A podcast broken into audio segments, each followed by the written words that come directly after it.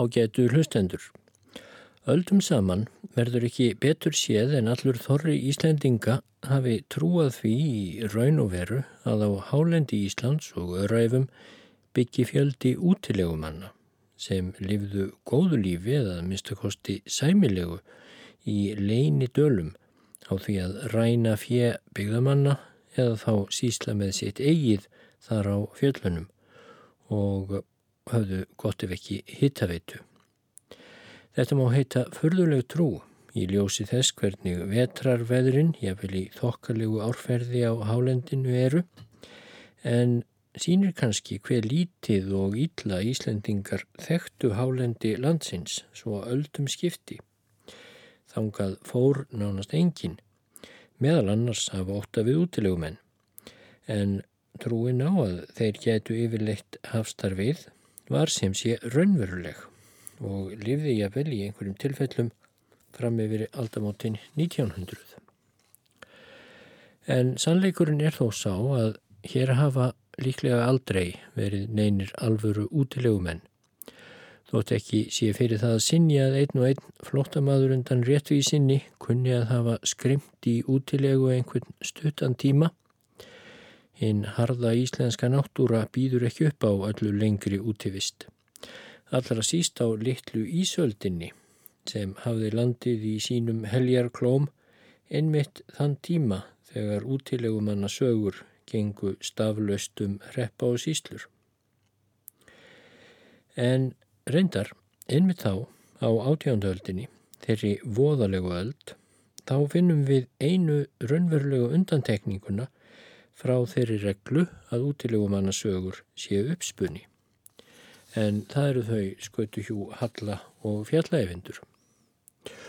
Og svo einn útilegumadur til viðbótar sá sem gætnan var í slagtói með þeim höllu og eyfindi og ég ætla að lesa um í þessum þætti. Það er Arnes Pálsson, útilegu þjófur, en svo er hann gætnan nefndur í heimildum.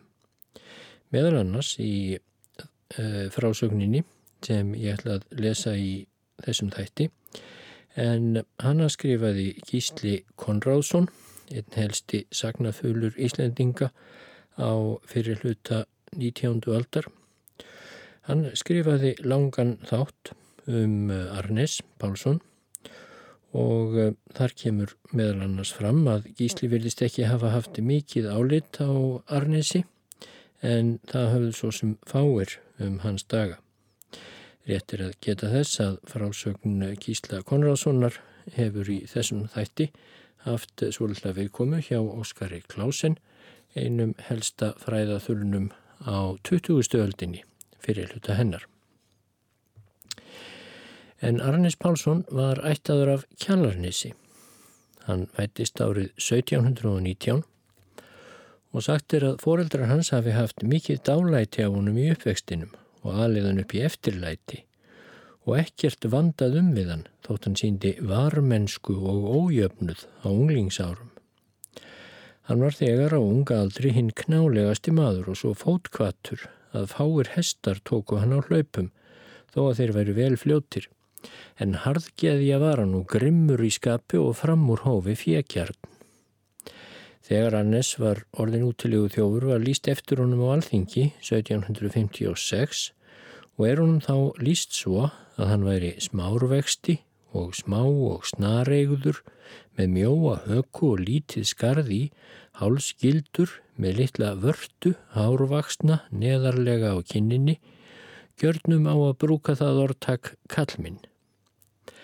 En setna var honum svo líst á þennanhátt, lágurvexti, þrekkin, kringluleitur, þó kinnbeina hár, munnur við hæfi, með litla höku, snar og dökkeigur, dökkur og háralit og mælti við völu. Þegar Arnes var um tvítugt er sögð af honum fyrsta sagan sem lýsir frekju hans og yfirgangi en þær sögur eru margar til. Það var eitt haustið að bóndan okkur vantaði tvo sögði sem höfðu haldið sig um sumarið í fjöllunum fyrir ofan Krísuvík á Reykjanesi. Þegar svo bóndi frétti þetta fór begja vona um að ná sögðunum. héttan því að gefa þeim annan sögðin sem næði þeim báðum. Arnis fór þá að leita sögðana og fann þá, en átti þá við miklar eldingar sunnan úr fjöllunum og náði þeim loks á helliseiði. Síðan fór hann með sögðina heim til sín í stað þess að skila þeim til bonda og slátraði þeim báðum. Þegar svo bondi frétti þetta fór hann að finna Arnis og heimtaði af honum borgun fyrir annan sögðin. En Arnes hard neytaði þar sem þeir hefðu verið eigandanum tapaðir með öllu. Hann hvaðast best komin að þeim þar sem hann hefði mest fyrir þeim haft en eigandin hefði hins vegar enga mannrænu haft til að ná sögðunum og hansama þá. Ekki vildi bóndi láta sér þetta linda og hvaðast kæra Arnes en þá kvarf Arnesum stund af kjallarnesinu, fór austur í fljótslýð, þá var það ekkert af sögðamálinu og fjall það síðan niður. Eftir þetta dvaldi Arnes á ýmsum stöðum og hafði hverki fast heimili heldur var laus í hilmingu eins og sagtir. Og þá er sagt að honum hafi græðist mikið fjö sem hann kom mest í peninga en það hafa hann aldrei haft neina samvisku af því hvernig hann aflaði þessa fjár en um það höfðu menn ímsar grunnsemdir. Eitt haustið var Arnes grunnaður um sögðaþjófnað og var það fyrsti þjófnaðar grunnurinn sem á hann fjell. Hann var grunnaður um að hafa stólið mókollóttir í geldri á, þetta mál komst í hendur yfirvaldsins og var rannsakað, en korki fullsannað sakleysi Arnesar nýja sektans svo að hann er tekinn fastur. Honum hefur samt eflaust þótt sér heppilegast að hverfa úr byggðarlæginu um stund en það yfirgafa nú aftur kjallarnesið og mosulsveitina og fór austur í síslur að nýju. Þar var hann á ýmsum stöðum og stundaði smíðar því hann var hagur á tré en þess á millir er hann til fiskjar oftast á eigafjallasandi en svo kvarf hann þaðan út í buskan og vissi engin hvað af honum varð en svo sprettur Arnis fyrir en varði aftur upp á fornum slóðum og gjörur nú vart við sig við elliðórnar fyrir innan Reykjavík. Þar var þá Þóvaramilla frá klæðaverksmiðjum skúla fókjeta Magnússonar í Reykjavík og gætti hennar danskur maður, bondi frá Sjálandi sem bjó á bústöðum. Einn morgun var sá danski snemma á fótum og gekk til millu sinnar en sá að gluggi var þar brotinn og þegar hann gáði inn sá hann hver maður lág sofandi á gólfinu og hafði staf og poka sér við hlið. Sá danski greip þetta kortvekja og hljóp með það heim til bústaða en skömmu setna vaknaði hinn sofandi maður og eldan. Bondi kallaði þá til konu sinnar og saði henn að senda meistelpu sem hjá þeim var en svo kallar Gísli Konráðsson stúlkuna, senda hanna til Reykjavíkur og láta bókaldara verksmiðunar vita hvað í efni væri. Hann sagði henni að láta meistelpuna fara út um reikháfin og eldhúsinu svo lítið bæri á og byggja menni í Reykjavík að bregðast þegar við og koma sem fljótast því sérleitist mjög illa á gestin sem komin væri til sín. Í bæjardyrunum snýri sá danski sér við og hafði járn í hendinni en í því bar komum mann þar að en það var Arnes og heimtaði hann stafsinn og poka. Bondi neytaði að láta það af hendi og sagði Arnesi að hann skildi reyna náði og greipum sér. Ekki þorði Arnes að ráðast á kallin en eftir nokkur orðaskipti og heitingar á millið þeirra var það úr að Arnes gekk í bæin og þáði heita mjölk hefur eflust verið orðin langsoltin. Bústaðabondin gerði nú allt til þess að tefja fyrir Arnesi og var alltaf öðru kóru að hlaupa fram í bæjardyrnar til að gá hvort nokkur kemi úr Reykjavík. Hann var í þungu skapi og setti járnið um þverar dyrnar en var svo sjálfur fyrir framann svo Arnes kemist ekki út. Arnes var hins vegar hvergi smekur og gjörði nú skyndi áhlaup á þann danska. Hann hljóp til og greip járnið en snaraði sér síðan að bonda og skellt honum flötum á gangin tókst af sinn og poka og hljóp út úr bænum og yfir á Digranisháls. Þaðan sá hann svo til hópsmanna úr Reykjavík sem voru komnir innan til á öskjuhlýðina og heldur nú upp að bústaðaholti. Bóndi held til mótsviða og svo lappaði allur skarinn inn að elliðám. Þegar þangað kom þorðu þeir ekki yfir elliðornar Þeim fannst þær ófærar gangandi mönnum og heldu í staðin upp með þeim en Arnis hafði hlaupið yfir ellið árnar þar efra og sáu þeir á eftir honum. Snjór hafði fallið og var því sporrekt. Eldu þeir nú Arnis 30 í hóp, flest vefarar úr Reykjavík, en þegar Arnis sá þá veita sér eftirför, snýr hann við og kvarf þeim. Þeir ráku þá för hans suður að Hofstöðum, norðan Vívilstaðavegar. Hljóp hann þá þaðan í Gardarhraun yfir Vívilstaða eða Hraunleik en þeir eldan enn. Arnis tók nú það ráð að halda sig í hrauninu og stikla á hraunstrykum svo ekki sæjust spór hans en það mistuðir af honum og leindist hann í hrauninu um nóttina. Ekki gáðust reykvikingar samt upp við þetta og var nú enn safnað meira liði til leitarinnar að Arnisi.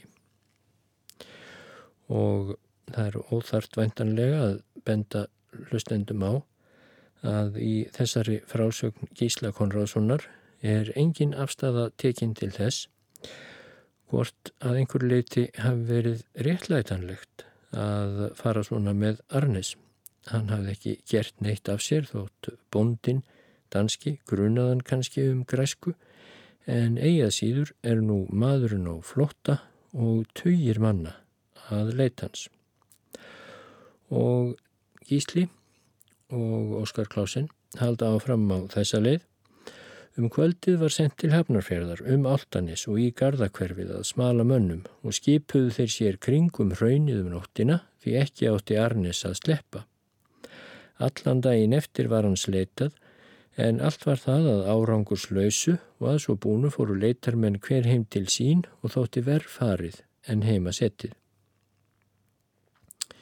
Ekki var grunnlaust um að einhverjir þarna ekki langt frá hefðu hjálpað Arnisi og leint honum og voru, bóndina, voru hjónin á hofstöðum tekinn föst og sökuðum bjargir við Arnis en að lögum mátti honum enga, engin bjargir veita eða verða honum að nokkru liði og er það harla einkennlegt þar sem hverki sést að hann hafi þá nokkur tíma verið dæmdur fyrir þjófnað. Þessi hofstaðahjón meðgöngu að þau hefðu haldið Arnes á laun, tvo eða þrjá vetur, soðið fyrir hann matvæli og hjálpað honum á ímsa vegu. Síslumadur í Guldbringu síslu var þá Guðmundur Runolfsson. Hann hafði þessi mál með höndum og dæmdi hann hjónin á hofstöðum í miklar fjesektir fyrir að hafa liðsint þessum hælislausa afbrótamanni eins og komist erð orði enda þótt ekki sé vita til að hann hafi nokkru sinni verið dæmdur. Um þessar myndir var mikið um þjófnaði á Suðurlandi og var það mest kent útilegu þjófum en samt var það nokkið fyrir en eftir þetta að Arnes lagðist út fyrir fullt og allt og yfirgaf mannabegðir. Það er nú af Arnesi að segja að hann leindist í hefnafjörðarrauni alltaf meðan á leitinni stóð og leitarmennir voru að verki Úr rauninu kom hann ekki fyrir en leitinni var hægt og allir komnir heim til sín. Áður en hann yfirgaf raunnið faldi hann vel og gróf niður peninga sína en þeir höfðu verið í pókanum sem bústaða bóndin danski hafði hrifsað frá honum þegar hann hafði komið að honum sofandi í þóvaramiljunni og Arnisi hafði að vonum verið svo andum að ná aftur. Ekki þorði Arnis að hafast við í nákvæmni höfustadurinn sem brá sér nú einn fyrir kvalfjörð og gjörðist þar sannkallaður útilegu maður. Hann bjóð þá um sig í Akrafjalli og var hann þar um hríð og stál sögðum og öðru sem hann náði af bæjunum. Akurnesingum þótti Arnes engin auðfúsu gestur í fjallinu hjá sér og fóru þeir nú að kvarta sáran undan aðförum hans því að yllar urðu brátt fjárheimtur og hurfum margar kindur.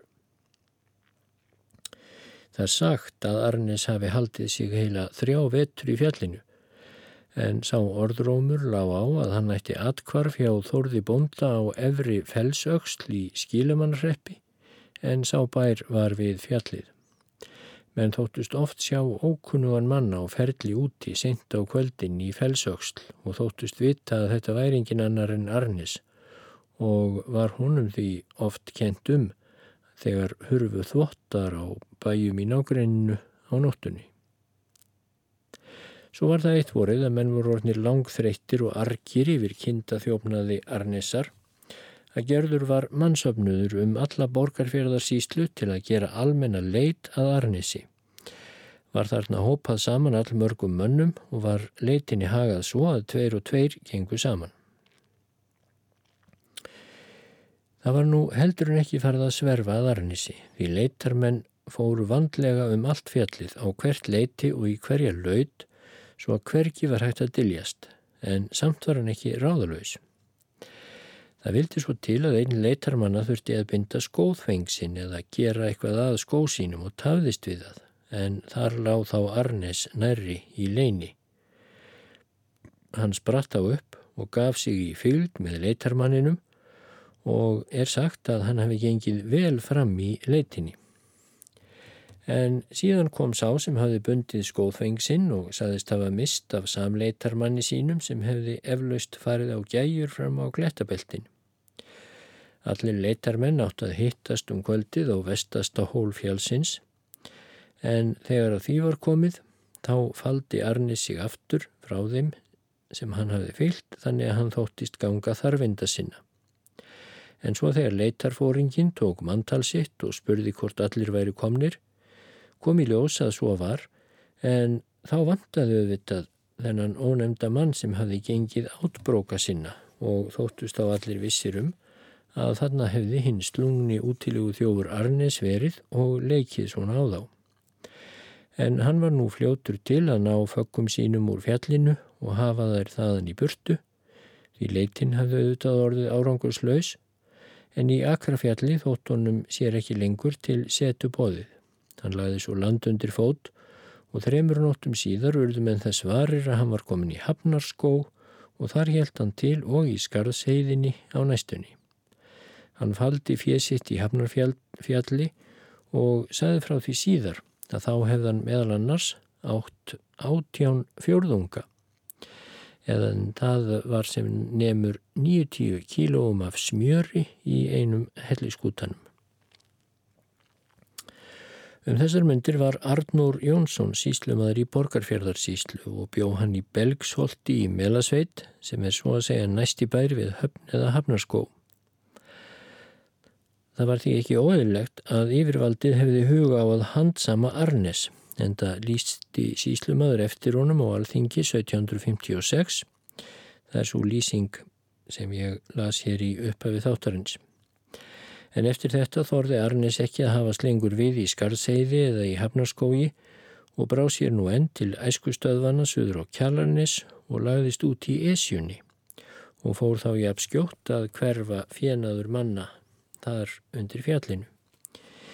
Í Esjunni urðum en fyrst varir við Arnes þannig að hann sást oft fáklættur á hlaupum í hitum að sumrinu og var hann þá að abla sér eldi viðar til að sjóða við slátur það sem hann hafi stólið.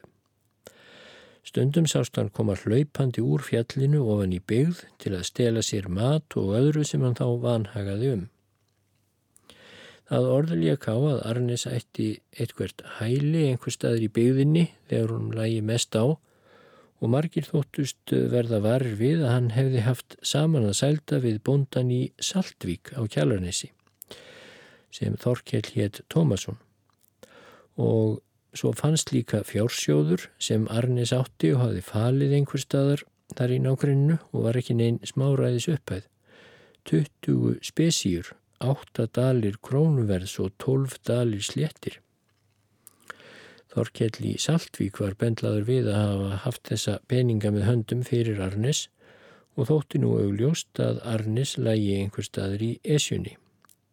Þegar síslimadurinn Guðmundur Runnolfsson frétti þetta sendi hann menn til að ná Arnesi og taka Þorkjell bónda í Saltvík fastan og færa sér þá báða var nú sapnað líði á kjalarnissi og leitað í esjunni. Fannst reysi Arnissar en sjálfur komst hann undan og er sagt að hann hafi í þetta sinn átt fótum sínum fjöraður launa. Þó segja sumir að hann hafi brúði fyrir sig handarhlaupum en talið er ólíklegt að hann hafi þurft þess þar sem hann var svo frára og fæti að fljótustu hestar höfðan ekki á sprettinum. Þorkell Bóndi í Saltvík var nú fluttur til síslumanns og yfirherður. Hann með gekka að hafa haldið Arnes langan tíma heima hjá sér í Saltvík og tekið við átján ríkistölum hjá honum sem hann hefði keift fyrir ímsa hluti vegna Arnisar af mörgum mönnum. Þorkell held því þó fram að hann hefði ekkert vitað um útilegu Arnisar eða þjófnaði hans og var svo staðhæfing Saltvíkur bónda harla ótrúleg. En það sannaðist að í hér aði að Þorkell hafi farið með kaupskap þennan fyrir Arnis með mestu leind, vitað upp á sig skömmina. Þorkeli var líka dæmt þungrefsing, Guðmundur síslumadur dæmdan til að vera hýttur, bundin á staur, brennimertur eins og hverjanar þjófur og loks til þess að þrælka ævilangt á hinnu íllræmda tukthúsi Brímarholmi í Kaupanöfn.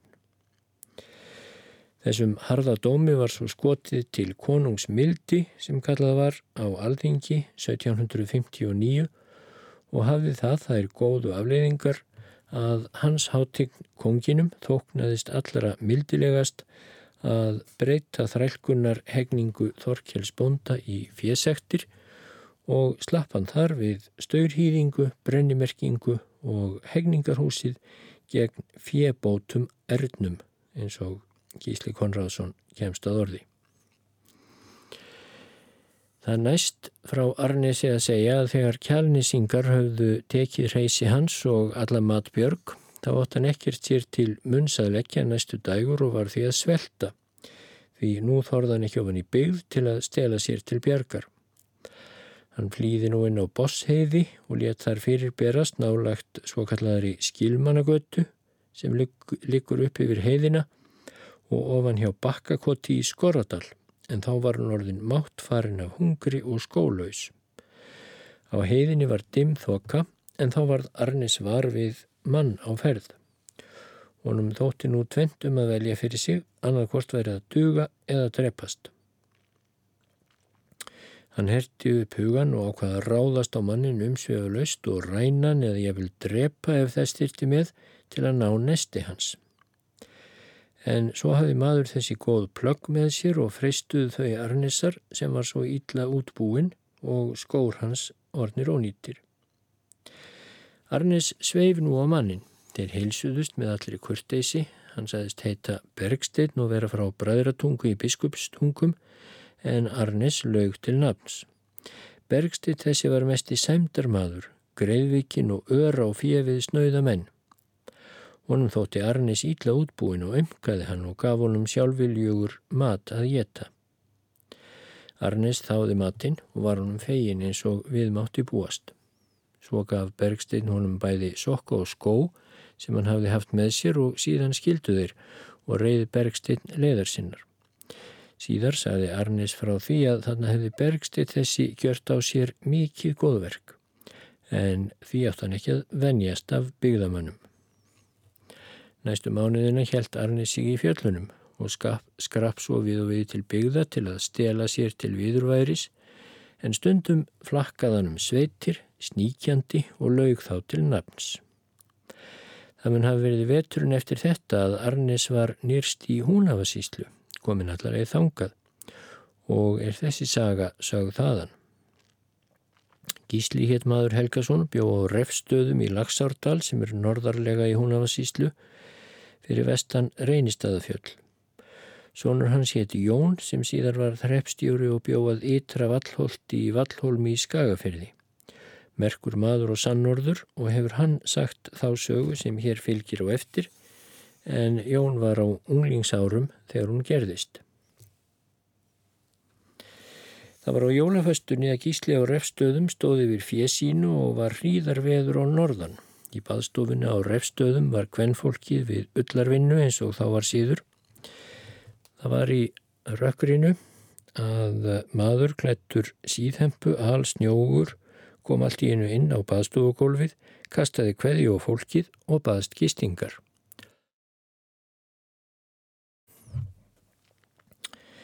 Húsmóðurinn varð fyrir svörum og saði ekki getur við konurnar dreyiði út en svona svaraði hún kuldalega vegna þess að henni þótti megn ókurteysi að ókunnúr maður gengi beintin í bæ. Komum maður sagði þá, einhver tíma hefði ég ekki verið dreygin út af fáum hvern ræplum. Hvern fólkinu þótt hann verið nokkuð frekur og fasmikill Hann spurði þá hvort nokkur karlmaður væri heima en þær sögðu að húsbóndin stæði yfir fjö. Í þessum sveifum kom Gísli bóndi og rak sögði sína í baðstofuna en í þá daga voru kindur oft hafðar í öðrum enda baðstofunar sem ekkert timburgólf var í. Með Gísla var fyrir nefndur Jón Sónurans og svo förumadur sem Jón hétt líka og var kallaður Viggusson. Var þá orðið aldimt og búið að kveikja og var þeim gísla og félagum hans hvert við þegar þið sáu gestin sem komin var og fauk í húsbóndan. Hann bölvaði all hressilega og spurði hver stæði þar fyrir geldingum sínum því að erfiðlega gekk að koma sögðunum inn í baðstofuna. Þá baðst aðkomumadurinn gístingar en bóndi var stuttur í spuna en hvaðst þó ekki mundur hrekjan út í náttmyrkrið og ílviðrið. Síðan spurði gesturinn bonda hvort hann get ekki gefið sér bragð af tópaki. Bondi saðist kannski geta það og rétt honum móla og eftir það fór all vel á með þeim og spjalluðu þeir um kvöldið. Aðkomum maðurinn hvaðst heita Þorstein, vera eifirskur og sendur á vestfjörðu að vitja arfs en hefði vilst af leið vegna ókunnuleika. Hann var á refstöðum um nóttina og gerði ekkert ílt af sér en fór svo leiðar sinnar daginn eftir. Þóttust brátt allir vita að maður þessi væri engin annar en Arnes útilegu þjófur því lýsing hans bar saman við það sem honum hafi verið líst á alþingi áður. Á leiðinni frá refstöðum stalan söðskinnum og einum bænum í Laxárdal og öðrum kom hann í eldhús þar sem kona var að fleita af hangikjöti og greip hann flotið og drakk það en fór síðan í burtu á þess að áreita fólk. Á gilstöðum í Vastal bjó maður sem Sigvaldi hétt. Hann var svo rammur að bleið að fáir voru hans líkar og var sagt að alveg erði hann óviðráðanlegur þegar hann reyttist en það kom sem betur fer ekki oft fyrir því maðurinn var spaklindur hverstagslega. Kona hans hétt Helga og er sagt að hann mætti ekki snertana ef hann væri drukkin því þá geta hann ekki stjórnað kröftum sínum og afli. Það var skömmu eftir að Arnes hefði gist á refstöðum að Sigvaldi og Gilstöðum var þess var fyrir hlutanættur að maður var að brjótast inn í skemmu hans. Sigvaldi fór út og hljópa á mannin þar sem hann var að verki. Sigvaldi skellt honum undir sig því aflsmunur var mikill en maðurinn var lítill, knálegur og snar í bragði þótt ekki geta hann staðist krafta sigvalda sem hafði þegar náð á honum góðum tökum. Að lokum batt sigvaldi hann við stóð og let hann standa þar alla nóttina en um nóttina sagð, en um morgunin sagði hann til sín og hvaðst vera Arnes útilegu þjófur. Hann baði svo Sigvalda að væja sér og lofaði að fara leiðar sinnar. Sigvaldi kendi þá í brjósti um Arnes ræfilinn og vildi ekki draga hann fyrir yfirvaldið sem var engin annar en hinn refsigjarni síslumadur Bjarni Haldursson á Þingeirum sem kallaður var þyrni brottur húnvetninga og er lang minnugum hlustendum þrjálstra handa eflaust í fersku minni. Sigvaldi slefti svo Arnesi og réð honum til að forða sér og glettast ekki oftar við sig en að skilnaði gaf honum svo málsverð. Arnes lofaði hátilega að láta aldrei sjá sig og gilstöðum oftar, fór svo í burtu og stóð við lofur sitt. En Arnes held nú í söðurátt og fór söður á Arnarvarsheiði en þar voru þá útilegu þjóvarnir Fjalla, Eyvindur og Halla á samt Abraham nokkrum sem var í slagtói með þeim um skammarhýð. Arnes sló sér þá saman við Eyvind og félaga og var síðan lengi í fylg með þeim og leið með þeim sætt og súrt. En þessu þjófafélagi varði ekki lengi vart á Arnarvasheiði eða í Surtselli en þangað fluttuðu sig um tíma. Borgfyrðingum þóttu fjárheimtur sínar verða heldur bágar er framliðu stundir en það þurfti þessi sægur þjófa sem oft voru sex eða jæfnvel sjö í félagi talsvert til uppihalds. Uh, útilegu þjóvarnir fluttu því byggð sína upp í svo kallaðan þjóvakrók sem er á milli Eiríksjökuls og Baldursjökuls eða upp undir Geitlandsjökli en þar var það sem Snorri prestur hinn sterkji á húsafelli himsótti útilegu þjófana eftir að þeir Eyvindur og Arnis höfðu stólið frá honum geldri kvígu og nokkrum sögðum. Eftir það flýðu þeir undan presti og byggðamönnum norður að Arnarvatni og lifðu þar mest á sílungi sem þeir veitu í vatninu. En til þess að vera auglausir fyrir byggðamönnum tóku þeir það ráð að halda austur í öræfin allarleið austur að hveraföllum. Að vísu var þar gott aðstöðu við heitu hverina en samt latti Arnes það mjög að þeir settu stað svo nærri kjálvegi sem var fjölfarin í þádaga hér um bíl eina leiðin yfir hálendið sem var þá algengt að menn færu. Það var því ráð Arnesar að þeir heldu enn lengra austur undir Hofsjökul.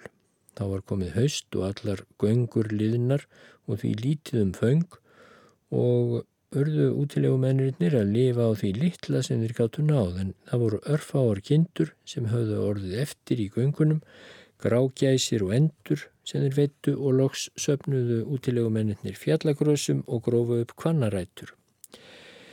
Þarna höfðust þeir við næsta vettur en ekki var vistinn góð.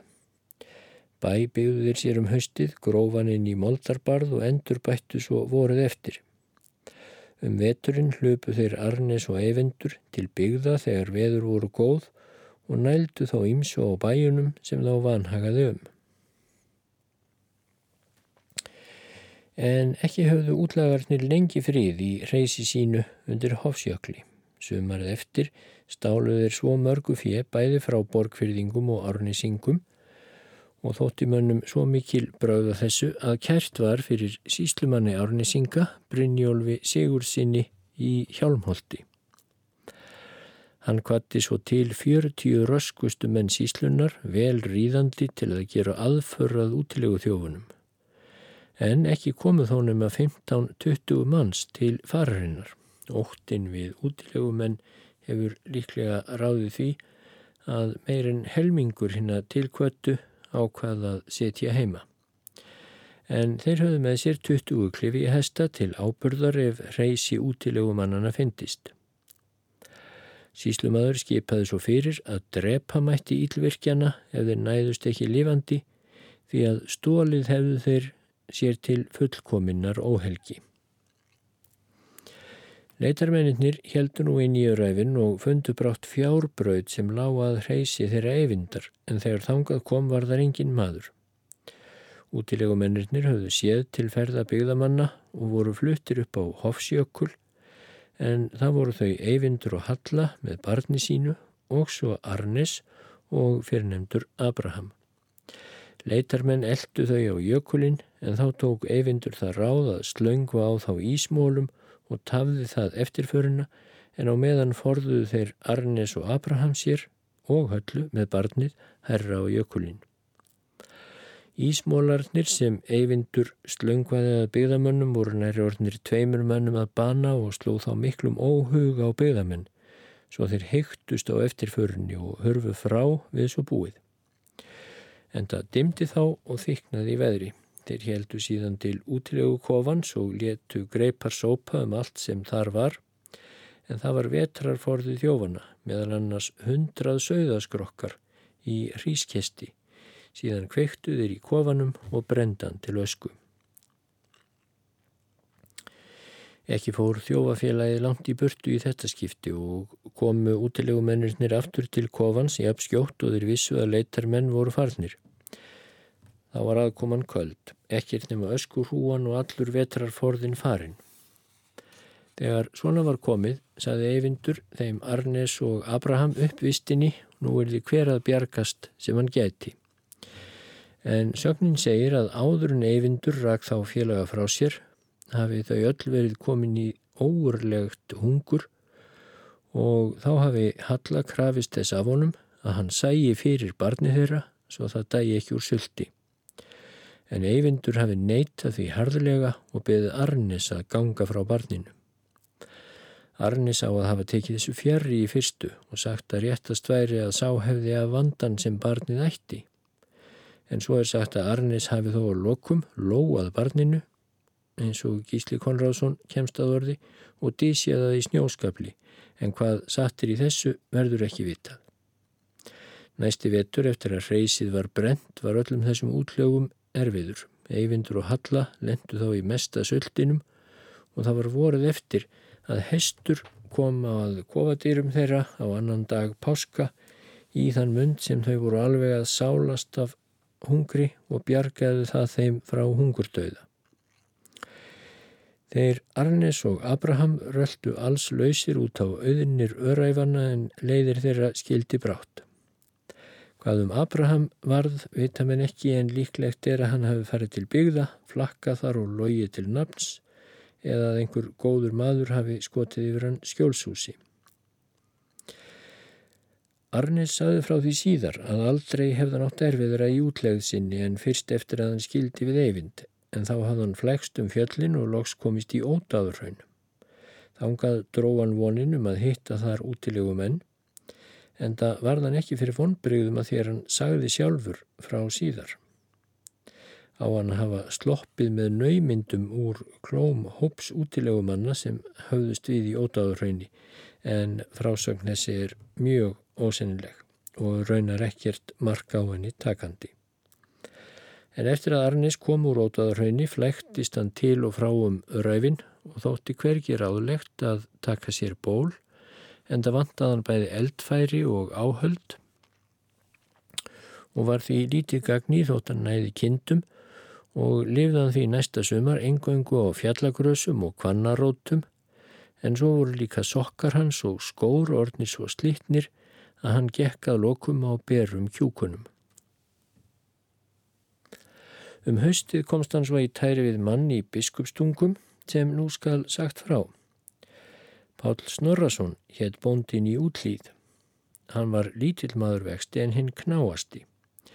Það var um veturnættur að Pál reyð norður á heiðar að leita hrossum, hann hafði tvo til reyðar og var vel útbúin að nesti.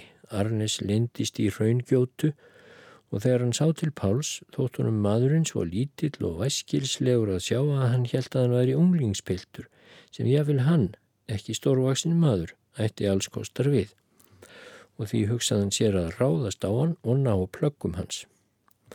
Arnis hljóp nú og eftir Páli en gekk seint, berfættum og baðan hungruðum.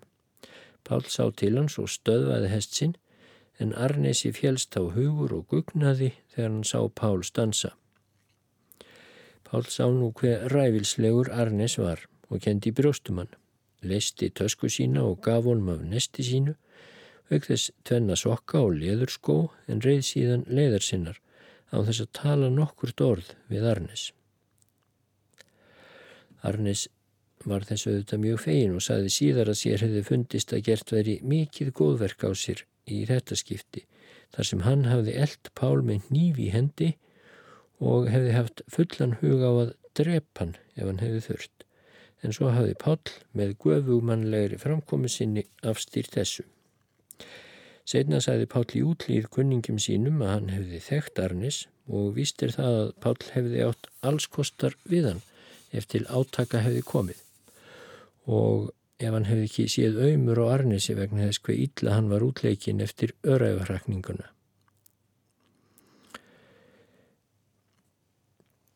Það er nú frá Arnisi að segja að eftir að Páll í útlýð hafi bjargað honum frá ægilegum hungurdauða upp í öræfum Þá fór hann fyrst norður í land en síðan vestur og þar mun hann hafa hitt Abraham, gamla félagasinn sem þar var á flakki undir fölsku nafni.